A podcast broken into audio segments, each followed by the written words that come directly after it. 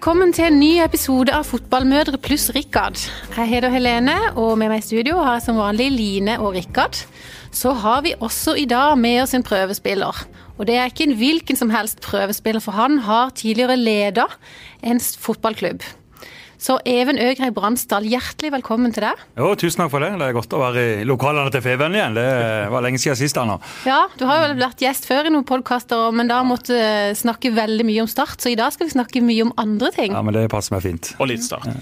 Men fortell, for det at du var jo da direktør i Start i noen år. Mm -hmm. I mhm. både medgang og ikke minst motgang, og du hadde en virkelig snuoperasjon der. Ja. Så eh, slutta du der, mm. og gikk høyt ut med at du skulle liksom ta trampolineparken til nye høyder. Mm. Men så ble det veldig stille rundt det òg, egentlig. Så hva skjedde der, og hva gjør du egentlig nå? Nei, eh, for å ta um, trampolinebakka først, da. Så eh, var jo meg og Jørgen Vi hadde jo uh, Jørgen Pettersen som driver Skyline på Lumbre i dag. Vi hadde veldig lyst til å ta det konseptet videre ut. Og vi hadde selvfølgelig veldig lyst til å få til noe først og bare kanskje bygge en stor park i, i Sørlandsparken. Det, der kom vi ikke til bordet, så det ble jo ikke mulig. Nå kom noen, en konkurrent, konkurrent som heter Svev, som skal etablere seg der. Og så har vi vært og sett på en del andre parker rundt forbi i Norge, men bare de siste seks månedene så tror jeg vi har fått fire eller fem konkurrenter som, har, som er både pengesterke og har bygd opp Eh, franchisemodeller. Eh, så det er amerikanerne egentlig som har inntatt det norske markedet. Så fra å egentlig være ganske nytt uh, upløyd mark i 2016 da første parken kom, så er det i dag iallfall 14-15 parker som er på vei til å bli etablert i de største byene i Norge. Og Det gjør det litt trangere, gjør litt større risiko. og I tillegg så er det jo mye investeringer som skal på plass, og reguleringsendringer. Så det er, ikke, det er ikke straight forward. Så Derfor så har vi egentlig brukt litt mer tid, trukket litt i håndbrekket og sett litt, eller ja, Hvis vi først skal gjøre noe, skal vi få vite at vi er ganske trygge på at den investeringa kan funke. Så, eh, og Dette så vi gjennom hele sommeren. Eh, så Derfor så eh, i august så gikk jeg inn i et selskap som heter Blockbond, som holder til på Andøya. Så nå kan jeg spasere til jobb, og det er jo fantastisk behagelig. Det er en, et selskap som har utvikla en mobilbank-app som vi har spesielt gått mot den delen av befolkninga i verden i dag som eh, ikke har bankkonto og er en del av det samme finansielle systemet som vi er i dag. Så i dag er vi live i Rwanda. Eh, vi går under en misjon som heter 'Banking the Unbanked'. Altså de som eh, ikke har bankkonto, da, at de kan i løpet av 60 sekunder få sin første bankkonto. og både bygge selvtillit for dem, og i tillegg at nå kan de faktisk overføre penger gratis til hverandre og bruke det i sitt dagligliv, noe som de ellers ikke hadde fått tilgang til. Så, det er det du jobber fulltid med nå? Så trampolineparken er helt eh, er Trampolineparken har vi dratt i håndbrekket, så får vi heller se om vi skal uh, etablere oss på sikt. Så både meg og Jørgen har nok uh, roa oss litt ned på det. Også, Men den eksisterer fortsatt ute på Lumbo, den Skyland? Ja, den på Lumbo den, ja. den eksisterer, og den går det veldig bra med. Så der er det masse besøk. Selvfølgelig mye mer når det, når det regner og dårlig vær enn når det sola skinner. Men, så den kommer til å eksistere, og så kommer det nye konkurrenter i Sørlandsparken i løpet av rimelig kort tid, tror jeg. Men uh, savner du tida i Start, eller? Ja, jeg, når jeg var på Torvet nå på torsdag, så kjente jeg litt på den der eh, Det er deilig å ha adrenalin i hverdagen. Og det å vite at du eh, Det er så mye som ligger i pott etter hvert. Jeg savna jo egentlig det rushet som, som, var der. Men når kampen var ferdig og Start røk ut av cupen, så, så kjenner en liten sånn lettelse over at det er ikke mest som å komme på kontoret neste morgen og prøve å bygge opp og få humøret tilbake igjen og, og, og gjøre det en må gjøre når eh, du virkelig får en i fleisen. Så eh, begge deler, egentlig. Jeg angrer ikke på at jeg tok valget, men eh, det er fantastisk mange flotte mennesker i og rundt klubben som jobber der i dag. Og, det å kunne jobbe noe som betyr så mye for så mange, det syns jeg var et privilegium. Og det sa jeg til Kristoffer og de òg, at liksom, de må nyte det. Det er en del av, sentrums begivenheter. Altså, dette er jo fantastisk gøy å få lov til å kunne være med eh, på. Selv når det går i motgang. men Kristoffer har sagt lenge, det er ikke en 100 meter, det er maraton, så det er mye gøy i vente, tenker jeg. Men går du på kamp fortsatt? Ja, absolutt. Ja. Ja, jeg går på det, det, du kan. Det, det jeg får med meg, eller det jeg kan få med meg. Og ellers så følger jeg selvfølgelig med hjemme eh, foran TV-en. og det er sånn som I går så måtte hun sitte og høre meg i, bilen på vei hjem fra, fra turnhallen i Grimstad etter guttungen var på, på turnstevne. Så en, en følger veldig godt med. Men det har vært en nitrist uke for Start? Ja, det, det blir tungt. Det, og jeg vet hvordan den følelsen er. Eh, spesielt nå For Før den uka så lå det så mye i potta. Det var jo, Den uka kunne jo både plassen bli sikra, du kunne komme til cupfinalen. Men så vet du også at det motsatte kan skje. Det er jo det som gjør det helt ellevilt med å jobbe i en, eh, en, fotballklubb. Men vet du, Hva er grunnen til at Start alltid når det er avgjørende kamper, så går det som regel den veien? Hvis jeg er invitert til fest, masse folk på stadion, ja. så ramler de sammen. Og så står de etterpå sånn som de gjorde i går og sier vi var ikke der, og de fatter ikke hva som skjedde. og det var jeg syns det er en sånn sannhet med modifikasjoner. for Jeg tror nok du, du har en, eh, en, hukommelse som sikkert passer inn i det bildet. Men det har vært ganske mange invitasjoner til fester eh, på Start hvor de faktisk har lykkes. Og vært eh, mye mennesker. Det så, så, det har egentlig vært litt av begge deler. Og kanskje den mest elleville kampen av de alle var jo mot Jerv. Kan tenke deg hva som lå i potta da? Og da leverte de seg fra sitt aller, aller beste. Så det, vi velger nok å huske det vi vil huske noen ganger. Men sånn som i dag, f.eks. etter det kjipe tapet i går. Hvordan tror du de spiller spillerne og sånn? Er det liksom toppstemning i garderoben når de går ut på treningsfeltet igjen? Ja, jeg, jeg opplever at det, man skulle gjerne tro fra, fra utsida at det er blytungt uh, alltid når det, det, står imot. det, Jim Rune Bjorvann var jo fulgte oss ei uke når vi ikke hadde vunnet på godt over et år. og Han, sin, uh, han ble veldig overraska over faktisk det var godt humør, det var glimt i øyet. Man, man evner å ta nullstille seg, for du har egentlig ikke noe valg. Men klart det setter seg jo noen ganger, og så må du få renska lufta, og det tror jeg Rekdal er rette mann til å gjøre. Mm. Du, Vi kan snakke mye om Start, det kjenner jeg her. ikke sant, Rikard? Vi kunne gjort det, men vi Og så er det veldig gøy med Start, det må vi huske. Ja, det, det, er jo andre ting òg som er gøy. Ja, det er det. Og vi hadde jo litt lyst til å snakke med deg om andre ting, even siden vi inviterte deg her i dag. Mm. Eh, blant annet så hadde vi lyst til å gå litt tilbake i tid, da. Eh, fordi at eh, du og din familie er jo på en måte kjente i byen. Det begynte med din morfar. Mm. Som var liksom industrileder og hadde mm. big business i Søgne. Mm. Og så er det jo ikke mindre enn det er fem brødre og ei lillesøster. Ja, og så har vi en bror til. da. Og så en halvbror og en del stesøsken. Ja, vi, det er jo litt av en gjeng. Ja, vi er en, vi er en veldig svær gjeng. Det, jeg vet ikke om jeg klarer å huske navnene på alle, hvis du spør meg nå, men, eh, men, det er ganske mange holdes jo på. I hvert fall ikke når de har bursdag. Men er alle liksom like sammensveisa, eller er det liksom sånn du har mest bånd med han eller han eller hun, eller? Vi er en gjeng som er veldig sammensveisa, alle uh, alle oss søsken. Men det er klart, vi er jo forskjellige. Så det er jo noen du diskuterer noen ting med, og noen som diskuterer andre ting med. Sånn er det jo ganske, ganske naturlig. Men uh, når vi er sammen, så er jo det noe av det gøyeste. Det er jo samme type humor, vi ler av de samme tingene og ikke minst fyrer på hverandre. og Det er jo det er høyt under taket. Men har det alltid vært sånn? Jeg tenker sånn, jeg har tre gutter sjøl, og de er jo Jeg håper de blir gode venner i resten av livet, men det er jo litt krangling, litt slåssing og sånn nå, selv om de er gode venner stort sett. Ja. Sånn var det hos dere? Eh, men jeg tror Hvis du tar gjennom oppveksten, så, eh, så, var det vel, eh, som min mor fortalte, at det var veldig mange av hos sine venner som ikke orka å komme på besøk. Til dere? Det var så bråkete. Det var mye krangling og slåssing. Og jeg husker, jeg tror jeg var en alder av gammel kan ha vært, åtte-ni år og sa til min mor at er du klar, mamma, i dag har jeg ikke grenet en eneste gang. Så det forteller litt av, av hvordan det var. Og spesielt kanskje vi altså Paul er jo, er jo bare fire og et halvt år eldre, og han er eldst. Og mellom meg og han så er det to til. Det er jo både Einar og Anders. Ja. Vi spilte meg og Anders og Einar vi var i tottene på hverandre mer eller mindre hver eneste time. Hvor med et eller annet. Ja, Slåssøy for eksempel, da. Ja, det var ordentlig slåsskamp. Ja. ja, det, var, det var kveling, og det var, altså, det var alt du kan tenke deg, egentlig. Jeg kjenner at var... din mor jeg tror jeg må ha vært en utrolig sterk og tålmodig, eller er en sterk og tålmodig dame. Ja, hun, eh, hun måtte finne seg i veldig mye. Mm. Uh, og jeg husker jo at eh, Jeg husker alltid var krangling eller kjefting å få. Eh, og at vi måtte roe oss. Men jeg tror det mange ganger gikk inn det ene øret ut det andre. Det er sikkert det vi opplever som er småbarnsforeldre i dag. at det er jo det er ikke alltid de gidder å høre etter. Men din, din foreldre ble jo skilt. Mm. Hvor gammel var du da? Jeg var tolv år. Ja. Mm. Og dere vokste opp mest hos din mor etter det, eller? Ja, vi var jo egentlig litt delt. Altså eh, Vi eh, Jeg var fulgte i all hovedsak min far. Ja. Vi fikk litt muligheter av våre foreldre til å kunne, kunne si vår mening hvor vi ønska å være. Og siden vi, altså, siden vi, var så mange, så var kanskje den også kanskje en grei måte å gjøre det på. Og så husker jeg jeg hadde jo veldig vondt av min far, selvfølgelig. For det var jo ikke alle som hadde lyst til å flytte med der han skulle bo, for han flytta ut fra, fra barndomshjemmet. Så derfor så, så fulgte jeg egentlig han hele veien. Så jeg jo egentlig bodd hos han egentlig til å flytte ut for meg sjøl. Uh, og Jeg flyttet ut ganske tidlig, det gjorde alle oss. Og Det tror jeg nok var litt fordi at vi istedenfor å måtte velge hvor vi skulle bo hen, så husker jeg mitt gode argument når jeg var 16, at det er mye bedre for dere å heller komme på besøk til meg hvis jeg flytter ut, enn at jeg må eh, sørge for å komme på besøk til dere og opprettholde god kontakt. Så jeg overlater det ansvaret til de.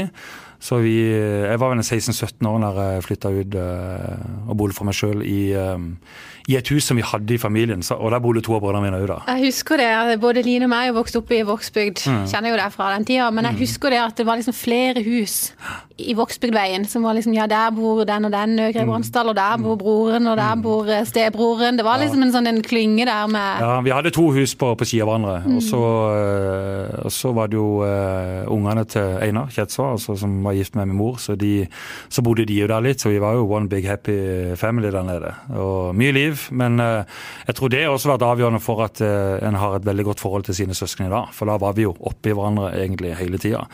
Men da var slåssinga lagt bak oss. Da var vi litt mer venner. Ja, mm. Litt mer voksne? Litt mer voksne, iallfall. Jeg vet ikke om vi kaller oss voksne akkurat, men vi var iallfall blitt eldre. Men uh, hva, hva krangla dere om? Altså, jeg, jeg, husker jo, eh, jeg husker jo det, Even. Du var jo du var populær blant jentene. Det var du. Og det var flere av dine brødre òg. Krangla dere noen gang om kjærester?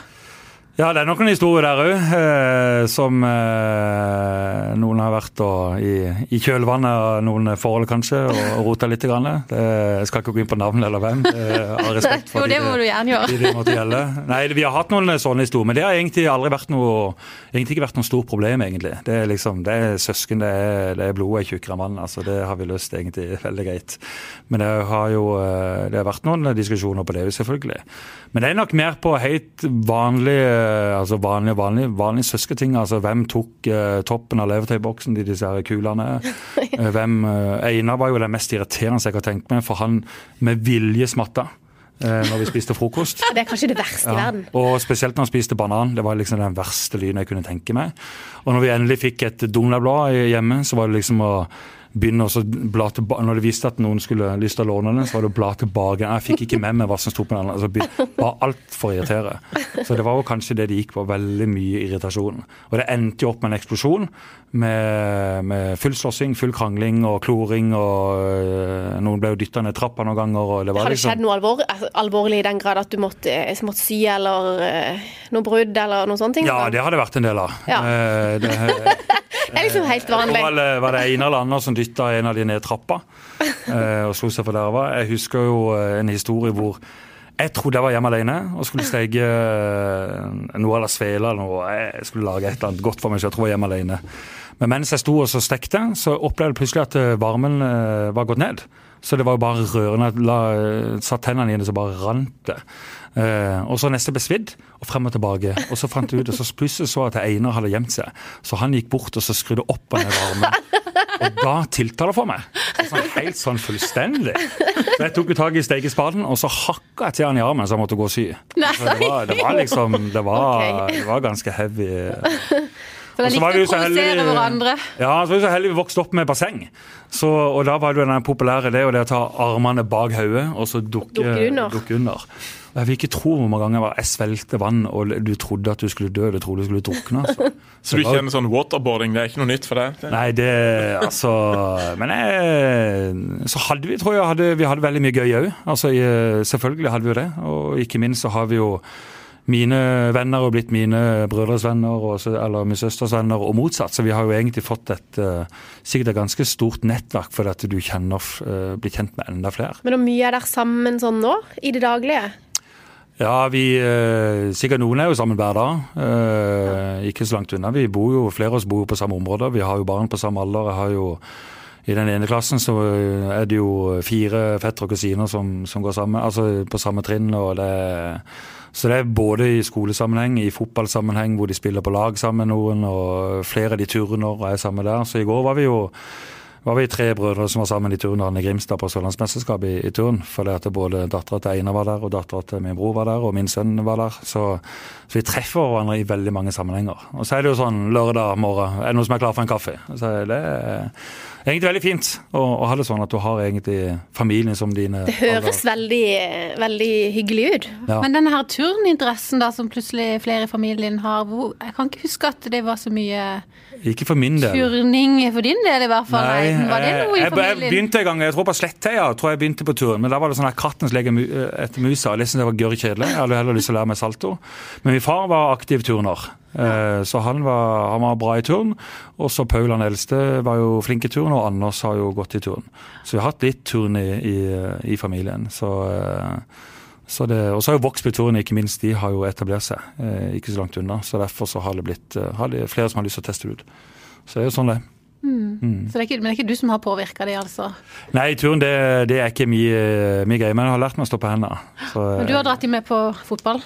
Jeg har vært eh, veldig aktiv i fotballen. Heller kanskje mer jeg har vært veldig den som har gjerne satt i gang eh, med, når de har vært minste. Så er det gjerne flere som har overtatt etter hvert. Også spesielt i årene hadde i start, så var det jo uforutsigbart når en kunne komme på trening. Så da er det godt at det er flere ressurser rundt laget. Så. Men er du trener nå for noen av de? Eh, ja, han er minste, han Sam på seks, der er jeg med litt på, på treningene. Sammen med flere, da. Så det er viktig å få bygd en god en god pulje. Ellers er jeg dommer når jeg kan, og, og tar lagene i turneringer hvis jeg kan. Så jeg syns det er veldig gøy å følge med. Mm.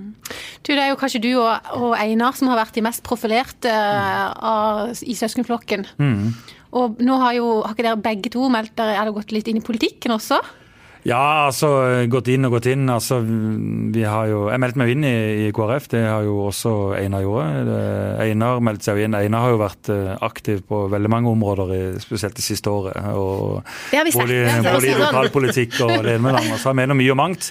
Men er du, eh, er du stolt av han, eller blir du noen ganger litt flau? Eh, jeg vil ikke si, altså det er min bror. uansett. Men Sier du fratt han noen gang, nå må du dempe det? Ja, ja, selvfølgelig. Ja. Det, Men hører han etter?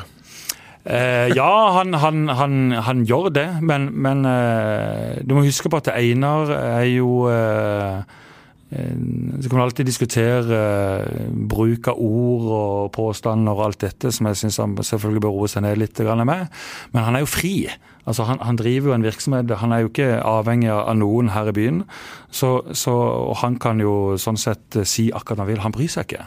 Så han er jo en tøffing. I, ja, Gjør han ikke det, liksom? Ja, så er det klart, Når du får mye motgang og det kommer noen som uttaler noe, så selvfølgelig går det, går det, går det utover han òg. Altså, han, han, han, er jo sine dårlige dager som, som, alle andre. Men uh, han føler seg fri til å kunne mene og uttrykke seg akkurat sånn som det passer han. Så jeg, jeg misunner han for at han altså, i forhold til det å bare uten skrupler gå ut. Og så må han selvfølgelig uh, noen ganger telle til ti før han går ut, uh, som sikkert flere har fått med seg. men det er min bror uansett, og, og, jeg vet at Einar er jo god på bunn. altså på alt han foretar seg. Det er jo ingen egoisme i, i, det han holder på med. Han bare mener det, og så har han lyst til å dele det med folk. og så så blir det gjerne litt blest rundt det. Vi trenger jo sånne folk òg, som skaper litt liv og får ja, ja, jeg syns jo at iallfall eh, sånn spesielt sånn som har vært eh, i lokalpolitikken, så er det jo ganske mange som, som jeg opplever, i hvert fall blant i mitt nettverk, som har engasjert seg mer. Det er jo ikke alle som er enig, men, men at man har fått en uh, men han har engasjert seg litt mer og mener litt mer om de tingene som skjer i lokalpolitikken. Og det er jo også flere som har kommet inn og sagt at uh, interessen rundt lokalpolitikken har jo, har jo, virkelig tatt seg opp. Men tidligere da når du jobba i Start, da, mm. nå husker ikke jeg alt hva han har ment og ikke ment, men eh, var det verre for deg å godta, han, å godta de tingene i den stillinga du var i da?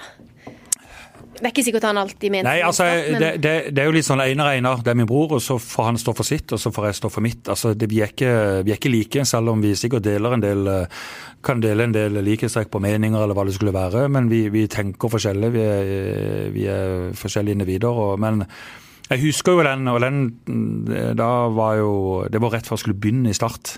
Og da ble jeg jo enig med Start i mai, jeg skulle begynne i august. Og i mellomtida da så gikk jo Einar ut og sa at uh, Mons Ivar Gjelle burde gå. Og Einar pryda jo drakta i den tida der, og det, var, eh, det likte jeg ikke. For det første jeg måtte gjøre, var jo å bryte isen med Mons Ivar Melle og si at det er, det er min bror som har ment noe, det er ikke, det er ikke meg. og så eh, det er klart, det er jo noen ganger så blir det jo, kan det bli utfordrende, men, eh, men ikke noe for min del. så så syns jeg det er fint med mangfold. Og så, så får han uh, stå for sitt, og så, uh, så står jeg for mitt. Er, vi, vi, er ikke like i den forstand. Det er kanskje litt vanskelig for deg å svare på, men, men han har jo òg kone og barn. Mm. Uh, blir de berørt av dette her? Jeg tror iallfall uh, ungene er jo såpass små at jeg tror ikke de Med mindre det er sikkert kanskje noen foreldre som sier noe. Det har jo skjedd eh, noen ganger, og det har jo jeg opplevd når jeg jobba i Start, at foreldre mener noe om, uh, om enten meg eller kan, folk kan mene noe om Einar, eller uh, Og kona er jo veldig tålmodig. Så de har sikkert sine, sine diskusjoner på kammerset, de jo som, som alle andre. men men Einar er, altså, Einar er den han er, uh, og så får vi ta ham for det, for det han er. Og så, og så syns jeg jeg synes det er modig gjort å tørre å ta noen kamper og, og stå, stå, i det.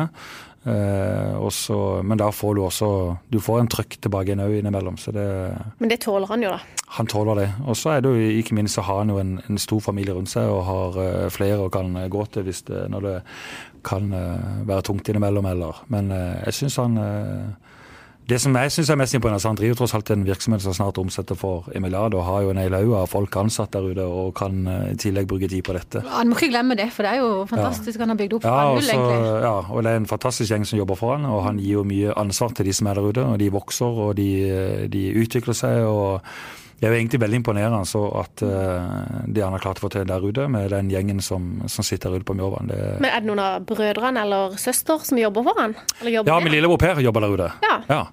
Så han har vært der i ganske mange år. Han er jo utdannet politimann, og så uh, var inne i, i, som politimann og jobbet en periode, men uh, syns det ble litt kjedelig for hans del, og så vil jeg tilbake igjen til, ja. til det miljøet som er der. For det er et utrolig sånn Det er et vanvittig gøyalt miljø der ute.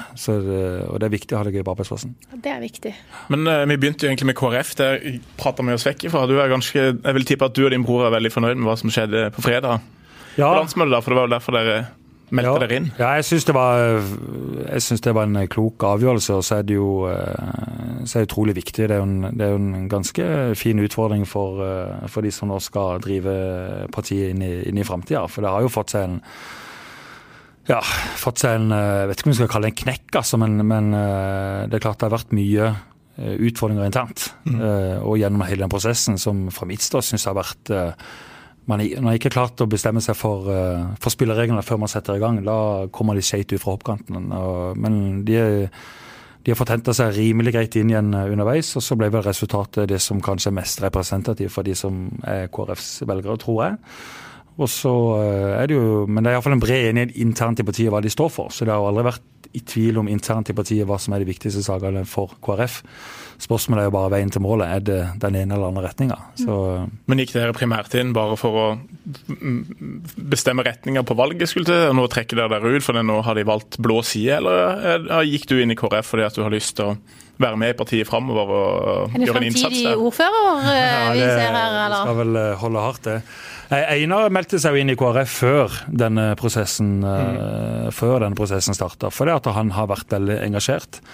Uh, og så meldte jeg meg inn for det at uh, jeg mente at uh, hvis jeg står på utsida og skal mene noe hele tida, så kan du noen gang gå inn og så, og så, ta en posisjon og så fortelle hva en sjøl syns internt i, i, partiet. Men jeg har ikke noen ambisjon om å gjøre noe politisk karriere. Det er flere som er medlemmer av en, en, politisk organisasjon uten å være noe spesielt aktivt. Men så var det interessant å se hvordan dette fungerer i praksis. Hvordan fungerer det på på eh, Jeg var valgt inn på Åsmølle, årsmøte, eller ekstraordinært årsmøte i fylket, i, eh, i, Lillesand. Og så det var spennende å se hvordan prosessen fungerer. Så ja, det er mer for å lære litt. Litt nysgjerrig, egentlig. Ja. Det var høylytt debatt. Det var kanskje mest i Kristiansand, og så ble det litt roligere i Vest-Agder, eller Agder. Ja, ja jeg syns det det blir jo litt sånn fort at det blir en sånn polarisering når noen mener den ene eller det andre. Eh, og så er det jo gjerne ofte sånn det blir, og det skal jo være stort engasjement. Eh, så Sånn sett så var jo syns jeg det var bra. Det minner meg nesten litt om den tida når vi skulle skifte logo. så Er du for eller mot logo, så blir det jo gjerne heftige, heftige debatter. Og også på årsmøtet så skal alle få sagt sitt, og så er det jo Det, ble jo en lang prosess som mye skriverier så er det viktig at KrF bruker det momentet nå at nå har de fått mye oppmerksomhet, og de har fått alle tiders mulighet til å kunne snakke om sin politikk innimellom alle disse skriveriene. og Det tror jeg har vært bra for, for partiet. Du, Vi skal straks over til et nytt tema, men det er én ja. Eh, ting jeg må spørre deg om, mm. eh, som du må fortelle. Um, jeg husker ikke helt hele historien, men den kan sikkert du ta. Men det var en gang i ungdommen du måtte bli henta i fyllearresten, var det ikke det? Jo, det har uh, vært litt uh, Ja, det stemmer det. Ja. Åssen var, hva var foranledninga til det? Uh, ja, altså jeg har jo faktisk, Det har jo skjedd to ganger, så jeg vet ikke hvilken historie. Da hører vi begge. Nei, den første gangen var jo rett og slett at uh, det var andre jula. Uh, vi skulle ha uh, vorspiel. Jeg tror du også var til stede, var ikke det? Helene? Ja, I hvert fall ikke i fylleresten. Nei, nei, men det var det ikke. På forspill, ja. Nei, Da husker jeg at vi, vi, vi, er på vei opp, og jeg gleder meg så sinnssykt. Vi skulle på fest. Og meg og en, en som heter Kjell Arne, vi fant ut vi skal vi var veldig glad i tyrkisk pepper på den tida der, så vi måtte jo ha litt tyrkisk pepper. Og så var, liksom, var vi usikre på en 07-flaske, om den holdt på deling eller ikke. Så fant ut at vi kjøper bare to, da, så er vi iallfall sikre. For vi har god tid den kvelden der. Men uh, da endte opp der med å Fikk i meg sikkert litt for mye, og før vi gikk, så tror jeg bare uh, døtta nedpå det som var igjen av den Spring, is that you? Warmer temps mean new Albert styles. Meet the Superlight Collection, the lightest ever shoes from Allbirds, now in fresh colors. These must have travel shoes have a lighter than air feel and barely their fit that made them the most packable shoes ever. That means more comfort and less baggage. Try the Superlight Tree Runner with a cushy foam midsole and breathable eucalyptus fiber upper. Plus, they're comfy right out of the box. So, what can you do in a Superlight shoe? What can't you do is the better question. And because they're super packable, the real question is where are you taking them? Experience how Allbirds redefines comfort. Visit allbirds.com and use code SUPER24 for a free pair of socks with a purchase of $48 or more. That's A L L B I R D S.com code SUPER24. Og da, etter det så har jeg ikke, husker jeg ikke så veldig mye mer, egentlig. Men eh, jeg var nok litt eh, hissig i, i, køen eh, på vei inn til Munch. Som endte da opp til Munch, med at, faktisk. Ja, som da endte da opp med For etter som jeg har forstått, så var det Når jeg sto i køen, så ville jo jeg fortest mulig inn. Og alle bare flytta seg eh, når jeg kom. Eh, sikkert en stor mann som, som bryter seg fram. Uh, fikk jeg heldig beskjed om å gå tilbake igjen i køen, og jeg kunne ikke forstå hvorfor. Uh, og da sto politiet rett på sida, altså, så jeg tror nå er kvelden, kvelden over for det. Men når jeg da vogna neste morgen, uh, som sagt sånn jeg ikke husker noen ting, så trodde jeg faktisk et øyeblikk at jeg var kidnappa, og at jeg var blitt satt inn i en, en eller annen kjeller, for det var jo ikke noe håndtak eller ingenting. Og jeg forsto ingenting. Jeg fikk fullstendig panikk. Og jeg sparka og slo på den døra. Jeg tenkte nå, hvor, hvor er jeg hen? Eh, så hørte jeg jo folk som ropte på sida 'må du klappe igjen', hørte jeg på sida. Da, da skjønte jeg etter hvert at eh, ok, hvor kan jeg nå være? Kanskje i fyllearresten. Så, eh, så, da kom de og hentet meg til slutt, og da var jo jeg veldig spag når jeg satt der. og ja, Det var, helt, det var, helt, det var en forferdelig opplevelse. Mm. Så men det var gang nummer én. Det var gang nummer én. Og nummer to, da? Kjente du deg igjen hvor du var, i hvert fall? Vi har vel alle gjort uh, våre ting. Den andre gangen, det var, uh, da var jeg faktisk bare vært på, på Havis. Og så, uh, nå skulle jeg hjem. Og så I den tida var det litt populært med disse her Paratexene, de som hadde vinduet litt på gløtt. Og jeg gikk jo bort i, i, i, i bilen, og så med en som hadde rullet ned vinduet, så Ja, jeg skal til Vågsbygd, sier jeg, og så tar jeg døra, og den var stengt. Så sier jeg kom igjen, da, kjør med, nå vil jeg hjem til Vågsbygd. Jeg, sånn, jeg, jeg tror ikke jeg fikk med meg alt hva jeg sa i gang, men jeg liksom, så prøvde jeg den andre døra, og så um, og plutselig, så før jeg visste ordet, så dro han fram med jeg tror han dro fram med politiskiltet, men han sa bare at jeg er politi, jeg er på spaning, og hvis ikke du flytter deg nå, så ber jeg noen komme og hente deg. Så sa jeg ja, men da får du nesten bare komme og hente meg, da, sa jeg.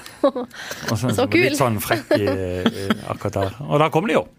Da sto de jo rett bak der. Kom politibilen og på med håndjern. Og så fikk jo jeg latterkrampe. Altså, jeg husker jeg sto der og bare lo, for der sto vennene mine og så på. Så sier jeg herlig fred, dette var Nå står jeg her og bare en vanlig mann som skal hjem og legge seg, og så plutselig står jeg med hånda på meg. Og så fortsetter den latteren inn i bilen. Og jeg tror nok jeg ga beskjed om at hvis ikke er noe mer fornuftig å gjøre enn dette her, å bruke tida på meg Det må jo finnes folk som slåss i gradene eller andre ting. Det må jo bruke tida fornuftig. Så endte jo opp med at, uh, at uh, Fikk jeg en natt ekstra der? Jeg fikk, jeg, fikk ei ekstra natt. Fordi at han ene kom inn og mente at jeg hadde kalt han en eh, ja, en jævla idiot. Så sier jeg men jeg banner jo ikke, så jeg har jo ikke sagt det. Og, så, og det var nok. Da var det bare rett inn i, i kasjotten. Så da fikk jeg en natt til. Da. Så det var to ganger. Litt forskjellige historier, men eh. Men hadde du en crazy ungdom? Jeg vet ikke om jeg vil kalle det crazy. Eh, det kommer på hva du definerer som crazy. Utagerende. Utagerende. Nei, men mer- Vi hadde snakka litt før her, og så, var det litt sånn, så begynte vi Helene, ja, men var du litt sånn som skulka litt på skolen og sånne ting, eller? Eh, lå nok på 15 %-grensa hele, hele veien. Og, og, og eh, vi lurte jo skolen i perioder. Var jo, eh, han, en kompis Ola Lindebø, faren er jo lege. Så vi var ofte, ofte hos han, og så skrev vi noen eh, falske legeattester som jeg kunne være med i skolen så jeg kunne ta fri, og så kunne jeg gå over og besøke kompisene mine på skolen. Så det gjorde vi jo ofte. Dette vet ikke doktor Lindebø. Nei, utagerende. Jeg, var- jeg var ikke noe sånn, jeg tror ikke jeg drev noe opprør, men jeg gjorde nok en del eh, forskjellige ting som, eh, som kan si i ettertid kanskje var ikke vanlig. Altså, Jeg stakk av gårde med bilen da jeg var 15 og, og lurte mine foreldre til å si at det var fornuftig med å kjøre moped ett år før tida, og den skulle bare lages. Men jeg kjørte opp hele tida. Altså, vi gjorde nok mye eh, Litt mye- utspekulert. Ja, var nok det. Men, men jeg, det var liksom I mitt hode var ikke det så farlig. Eh, men jeg ble jo stoppa på politiet tid som 50-åring, og det klarte jeg jo heldigvis å komme unna. da. Ja, For da brukte du en av brødrene dine, gjorde du Ja, det? Ja, da brukte jeg Einar, eh, Einar sitt navn, og klarte mirakuløst Hadde han lappen, da? Ja, han hadde fått lappen. Jeg var 15, så han har akkurat fått den. Så, eh, så når jeg ga han sin, eh, han sin, han sitt navn og, eh, fødselsnummer, eh, eller fødselsdato, så så trodde han nok på meg, da. Jeg satt jo der med røyken i munnen. Og så, Så fikk du kjøre videre? Så fikk jeg lov til å kjøre videre.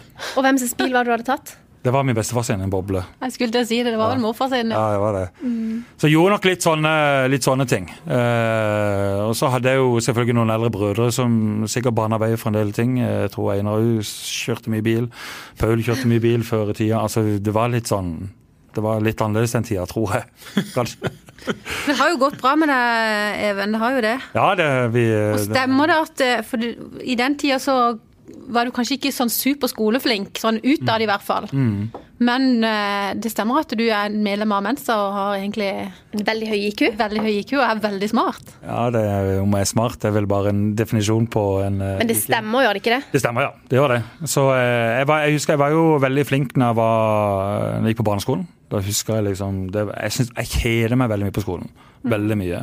Så jeg har lest meg litt opp på liksom hva som altså, kategoriserer typisk en hvis du er medlem av Mensa. For det er jo ikke noe det er jo ikke noe nødvendigvis at du trenger å være noen forsker eller romøstronaut eller whatever for å være det, men uh, veldig mange kjeder seg på skolen.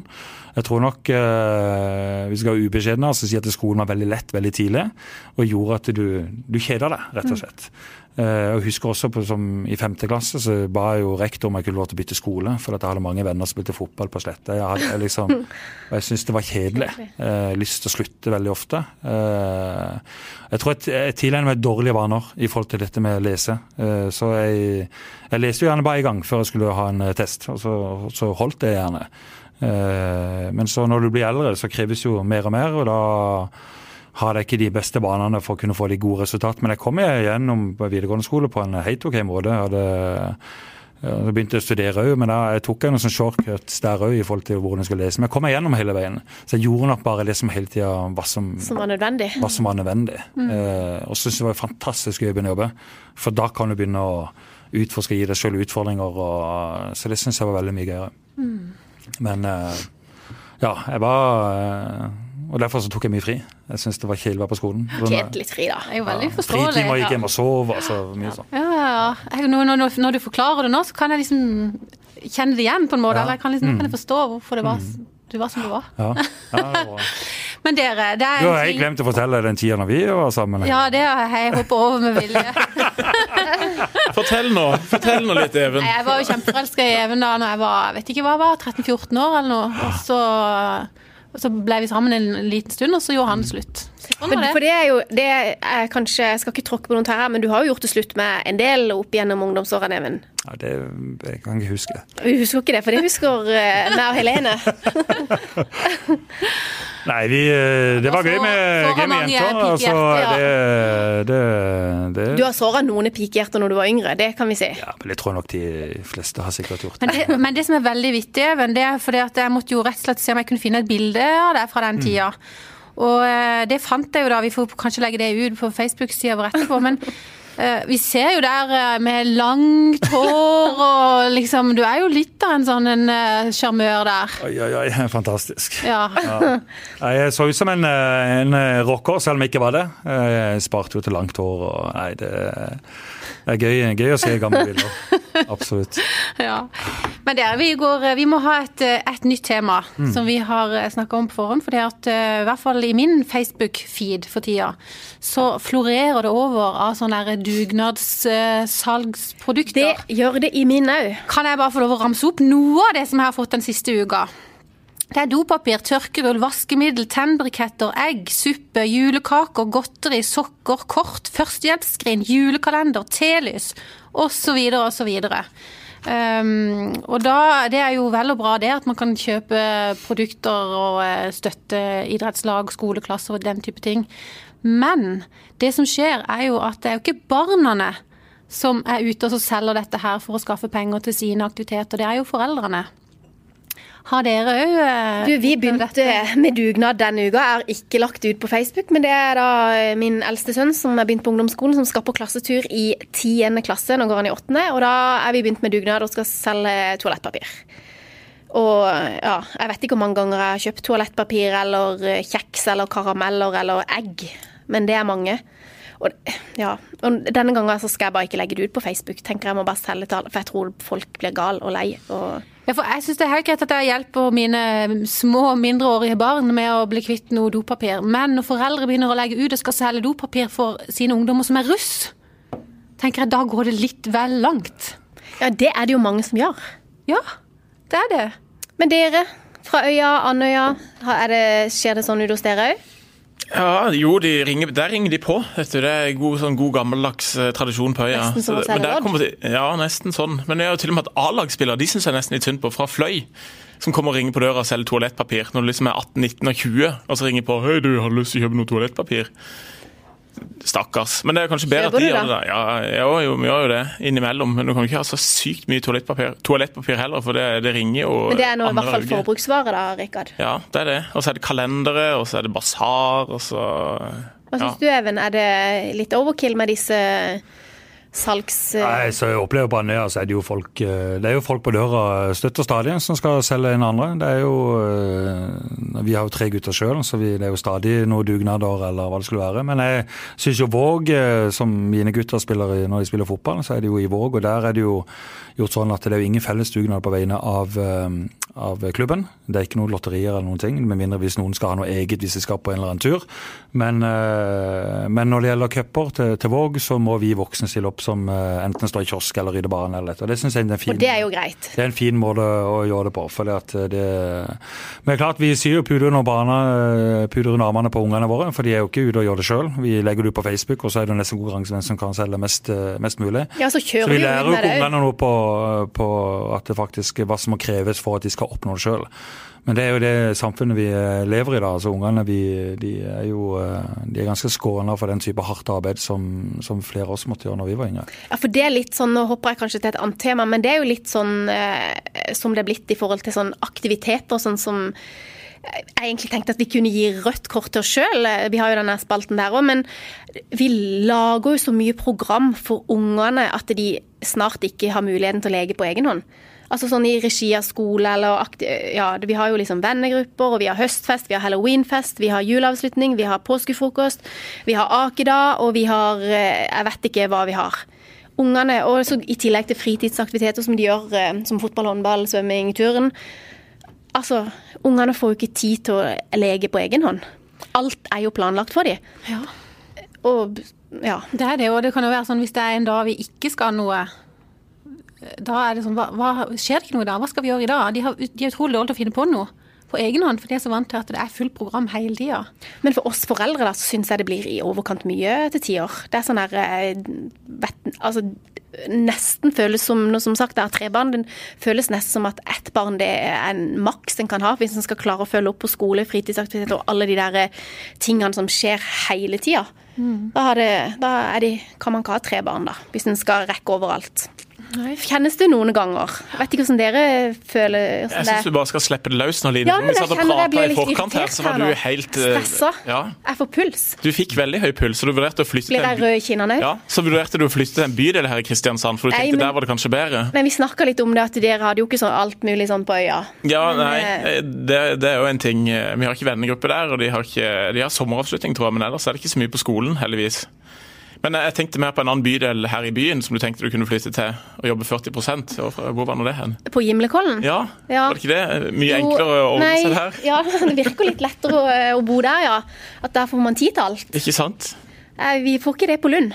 Nei, men jeg, jeg vet ikke, jeg bare kjenner at det, det blir litt mye, og det er kanskje oss sjøl som legger opp til alle de der, disse her tingene. Men eh, det er vanskelig å få hverdagen til å gå opp med alt som skjer, og alt som er programmert og ja. Og litt sånn òg som eh, en snakker om at eh, så sitter du hjemme og slapper av en lørdag formiddag, og så får du en haug av snap av folk som er ute og går tur i Bertes og nyter eh, frisk luft og ja. Så får du dårlig samvittighet av det òg. Altså, vi, vi velger det sjøl hvordan vi, vi har lyst til å legge opp løpet. For det er klart, du, du får inntrykk alle i bøyer og kanter gjennom alle sosiale medier. og dette, og det er jo, Folk skal jo skape dette perfect world eh, overalt, men eh, og Der velger vi sjøl om vi skal hive oss på den bølgen eller ikke. Det må jo kunne være for lov til å kunne ta seg en pause hvis en har behov for det, og ikke være så utrolig opptatt av hva alle andre gjør. Det, Men er det lett å si bare nei og bare hoppe av? Ja, det kommer litt avhengig, av, litt avhengig av hva det er for noe. Men eh, vi det må jo prøve. Ungene skal jo tross alt vokse opp og, og klare litt ting på, på egen hånd. En er jo sånn sett jo flere som har satt bekymringer for hvordan blir disse ungene når de vokser opp nå, med alle de inntrykkene de får og det som vi foreldre stiller opp i alle bauger og kanter. Altså når jeg vokste opp, så var det jo eh, ballen på sykkelen, og så var det kjørende til Karos og spille fotball.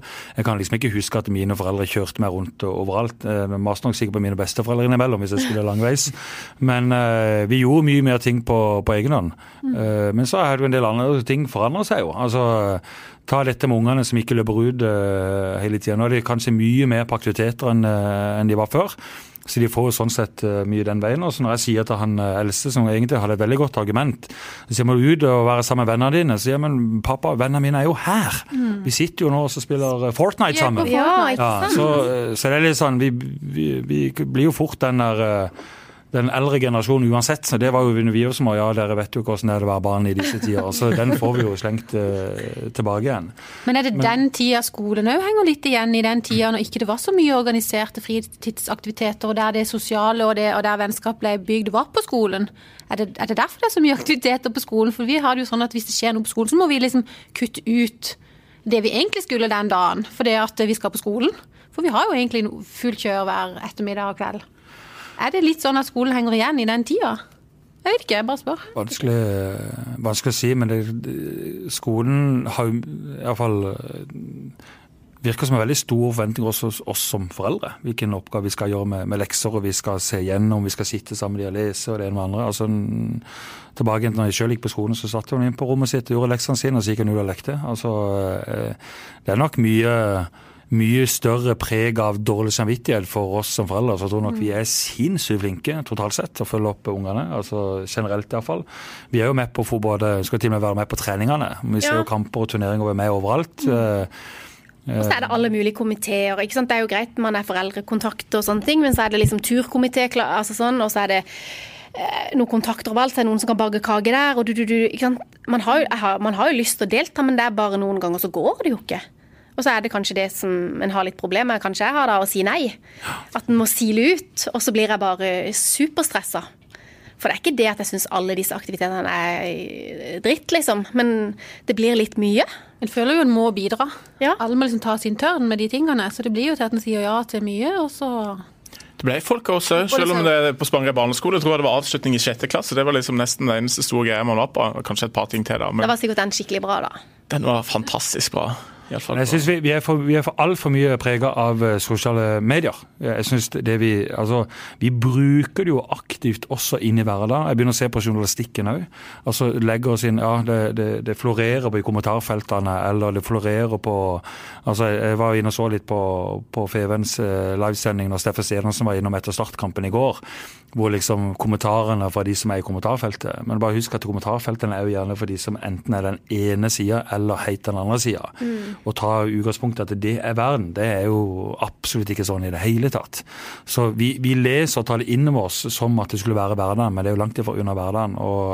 Så det er jo opp til oss sjøl om vi har lyst til å være med på denne bølgen der. Det, jeg synes jo det er jo Egentlig når du tenker over det, Facebook er egentlig gørr. Det er jo ufattelig mye kjedelig som er der. Nå må du nesten være der, for at det der er alle gruppene. Der skal du videre treningene, der skal du videre avslutningene. Der blir du invitert til 1918. Men det er jo egentlig blitt ufattelig kjedelig.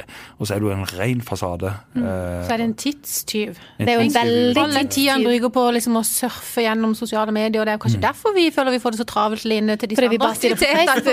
Bare, og... Kutter du Facebook nå, så har du plutselig Flere slimer ekstra i døgnet da. Sletter kontoen min i kveld. Men eh, ja, men det er sikkert, det er sikkert sant det, men Facebook er jo blitt sånn, som du sier, du, det er der du altså, det er der alt av vennegrupper eller eh, avslutninger. Altså, alt skjer jo der. Du må jo følge med. Hvis ikke du har vært på Facebooken, da, så har du kanskje gått glipp av noen eh, et eller annet opplegg. Vet ikke. Men du, skal vi denne uka kåre også en banens beste? Ja, kan vi, skal vi det? Vi gjør det av og til og av og til ikke, men i dag hadde vi jo en kandidat som vi hadde lyst til å kåre til banens beste. Ja, øh, ja. jeg syns jo jeg kan, Skal jeg si noe, jeg da, kanskje? Ja. Nei, jeg syns jo Det var jo kjipt at Start eh, tapte i går, det syns jeg var kjipt. Men så syns jeg det var litt kult at Start kaptein Erlend Segberg gikk så hardt ut mot eget lag og egen prestasjon. Og eh, med, ja, han var rett og slett flau over, eller skamma seg over prestasjonen. At han syntes, var så vidt han gadd å stå i et sånt eh, TV-intervju etter kampen. Eh, han sier at måten de presterte på i dag, det var ikke verdt noen ting. Og eh, han sa det at hvis de spilte som i dag, så var det ikke verdig et Obos-ligalag. Da kan de egentlig bare legge ned alt. Jeg syns det, ja, jeg synes det er litt kult. Ofte så, eller tidligere i hvert fall, så føler jeg de liksom Ja, ja, vi hadde ikke helt dagen i dag, det er kjipt, ja, vi reiser oss Det er sånn kjipe svar. Men det er litt godt å få noen ordentlige følelser, for det var helt sikkert sånn han kjente på det. Ja, og det, og det kan jeg love deg, og supportere òg sitter og kjenner på, for jeg sitter jo Ja. Jeg, og Rekdal òg var jo litt sånn at han kunne bytta ut alle. Endelig kommer det noe de faktisk mener. Jeg la ut eh, på Facebook i går en eh, Det var sikkert under de tid, han godeste Mons Ivar Mjelde som kom med det fantastiske uttrykket 'Vi legger oss lang paddeflat'. Mm, mm. Og Det var liksom eh, Det kom jo på Facebook sånn minner fra tre år siden, og da var det en kamp jeg lurer på om det var mot Sogndal eller noe, mm. som han hadde tapt og gjort det helt forferdelig. Og så er det jo et legendarisk sånn, Det er vel dette her pauseintervjuet, mm. eller rett etter kampen, jeg husker ikke hva det var, men iallfall på indre bane da, med Mons Ivar Mjelde, som kommer med en tirade av de sjeldne. Så skal jeg la ut på Facebook der før kampen. Håper ikke dette skjer i dag. Nå blir det tre poeng mot Sandefjord og sikker plass. og så, ja, så skjedde jo dette her, da. Men det er nydelig å se litt følelse hos folk og se at det betyr noe. For det er jo det verste hvis spillerne har gjort det dritt. Mm. Og så er det liksom ja ja, nå er det ny kamp om ei uke til, så det var kjipt. Vi nullstiller oss etter ett minutt, liksom. Så. Nemlig. Ja, men det, det, er jo litt sånn, og det er jo fantastisk å se lidenskap rett etter kamp. så er det jo, altså Spesielt når en prestasjon som i går, så skjønner jeg veldig godt man har lyst til å få ut noe av og til. Og det husker jeg sjøl når jeg jobba i Start. altså Noen ganger så er det jo så eitrende sine inni det. Men poenget er at det er jo kollegaene dine du snakker om. Så du skal jo alltid være altså En ting hva en forventer skal si til media, men en annen ting er hva du sier internt. Og der kan jo gå en, eh, noe kule varmt eh, der også. Men innimellom så har du nødt, etter en sånn prestasjon så må du også vise overfor supporterne dine hva du faktisk syns om det. Men som ofte så blir det jo at en, en prøver å være litt mer eh, Moderere det bitte litt. Moderere litt i media. Det betyr ikke at det nødvendigvis at det ikke er temperatur inne i garderoben eller i, i, i korridorene. Så, for det er, ikke, det, er ikke bare der vi, det er ikke bare der det snakkes. Nei, men det er litt godt for de som sitter utenfor og ser at det faktisk betyr at, det bryr, at de bryr seg skikkelig. Ja. Det, var litt, det er noe sånn herlig befriende. Ja høre liksom den ærlige, spontane mm. reaksjonen. Ja. Men Har du sjøl hatt noen sånn opplevelse når du var statsdirektør, at du har liksom bare mista det hvis man kan si det sånn i anførselstegn, etter en kamp, og blåst ut og sagt at dette her er jo ja, jeg hadde altså, blåst ut et par, eh, et par ganger. Eh, også den ene Det var kanskje spesielt den der vi tapte 4-1 mot Ålesund, tror jeg, når vi ikke vi hadde vunnet kamp over et år eller noe sånt. Mm. Eh, og da, da tippa det over, for da så jeg en del eh, som ikke gikk i det riktige utstyret. Og da, eh, da var det sånn, da klarte jeg ikke å holde igjen. Eh, I garderoben, da? etter I kamp. garderoben, ja. Det skal jo alltid være forsiktig. Og hva skjedde da? Klikka du, da? Uh, ja, da ble jeg ordentlig irritert. For uh, jeg mener at hvis du, hvis, du, du, må kunne klare de små, enkle tingene. Hvis, du, altså, hvis ikke du klarer de små tingene som å sette kaffekoppen i oppvaskmaskinen eller for å sette helt sånn basics, hvordan skal du da klare å treffe pasninger og vinne fotballkamp? Det, altså, du, begynner, du, må begynne helt i det små når, du faktisk, når, det, når uh, motgang er der. Men da, eh, da, ble det nok litt eh, slag i taktikktalva og litt sånn forskjellig. Da var jeg ordentlig irritert. Men da kjente du på det sjøl at du var drittlei av å tape fotballkamper. Uh, og da var det en dårlig prestasjon. Og når da i tillegg uh, man ikke fremstår i det riktige utstyret, som vi har sagt som er klubbens retningslinjer, så da har en noen uh, da har en lov til å si ifra. Det, jeg tror alle har lyst til å se litt følelser innimellom, litt lidenskap. I min rolle så var jo ikke min oppgave å gjøre det, men innimellom så så klarte jeg ikke å styre følelsene sine sjøl heller. Og, det... og, du har jo hatt vel de motsatte følelsene. Vi har jo hørt rykter om eh, dansing på et biljardbord etter en viss jervkamp ja, ja, det... noen år tilbake. så Det går altså, i alle det, det er masse lidenskap i, i, klubben, og det hadde en sjøl òg. Og så må du eh, være forsiktig med hvor ofte du viser det, litt avhengig av hvilken rolle du har. Men, men det er jo, fotballen er jo lidenskap. Og så må du faktisk må ikke heller glemme at det er jo ja, det er, jo, det, er ikke det er jo ikke liv som går tapt her. Det er liksom, eh, Noen ganger når du, når du, virkelig går imot det, så må du prøve å få litt sånn større overblikk eh, over det. Men det er jo deilig å se engasjement. Eh, det syns jeg jo fant at det er veldig kult å si det, se Segberg ta rollen som kaptein. og og si, sette skap på plass. Og, og Kjetil Rekdal som virka jo helt uh, ikke forsto hva som hadde skjedd. Det, det, er jo deilig, Uten å nevne navn, så er det jo mye bedre det enn hvis man har en trener som har karisma og utstråling som en gymsokk. Men, og Derfor er det så nydelig å se Kjetil Rekdal og spillerne som bare tar helt av. Mm. Uh, får jeg lov til å stille et siste fotballspørsmål før du skal avrunde? Ok, et siste spørsmål. Okay. Nå er det to kamp igjen. Start er farlig nærme kvalikstreng. Hvordan tror du dette her ender? Ærlig. Helt ærlig, ja. så eh, Altså, én ting hvordan det går med Start, en annen ting hvordan det går med de andre lagene. Det spilles jo en veldig viktig kamp i dag, Lillestrøm mot eh, Bodø-Glimt. Jeg tror Start eh, klarer å sikre plassen. De, På hvilken måte da? Det, må de være avhengig av noen andre? Jeg tror de kommer plassen over, eh, kvalik. over kvalik. For det er en del andre lag rundt der som også kan snuble litt på Men de har jo ikke sånn to veldig enkle Det er jo ikke walkover-kamper de har igjen. Nei, men uh, nå kan det virke som at en, nå hadde du i utgangspunktet hadde du fire matchballer. Du skulle egentlig bare ha en eneste seier, og så ryker du på to tap. Det skjer noe etter Jeg tror at den kampen i går det går en sånn fandenivoldskhet blant eh, spillerne. Nå har de lyst til å virkelig revansjere seg eh, og, knekke til. Altså. Så jeg tror de kommer til å trykke på riktige knappene. Men det blir en avgjørende suge. Det, det er å nullstille seg, men samtidig vite hva han har vært igjennom. For det, jeg tror ingen har lyst til å ha bekjent en sånn, eh, sånn kamp en gang til. Og de har jo vist at de har jo tatt store steg, jeg må si det. Og vi, håper, vi, håper at du, eh, vi håper at du har rett, Even. Ja. Og så sier vi tusen hjertelig takk for at du var gjest i dag, eller prøvespiller. Vi får mm, se mm, om det blir en ny anledning senere. Tusen takk for at du kom. Mm. Takk til dere som hørte på.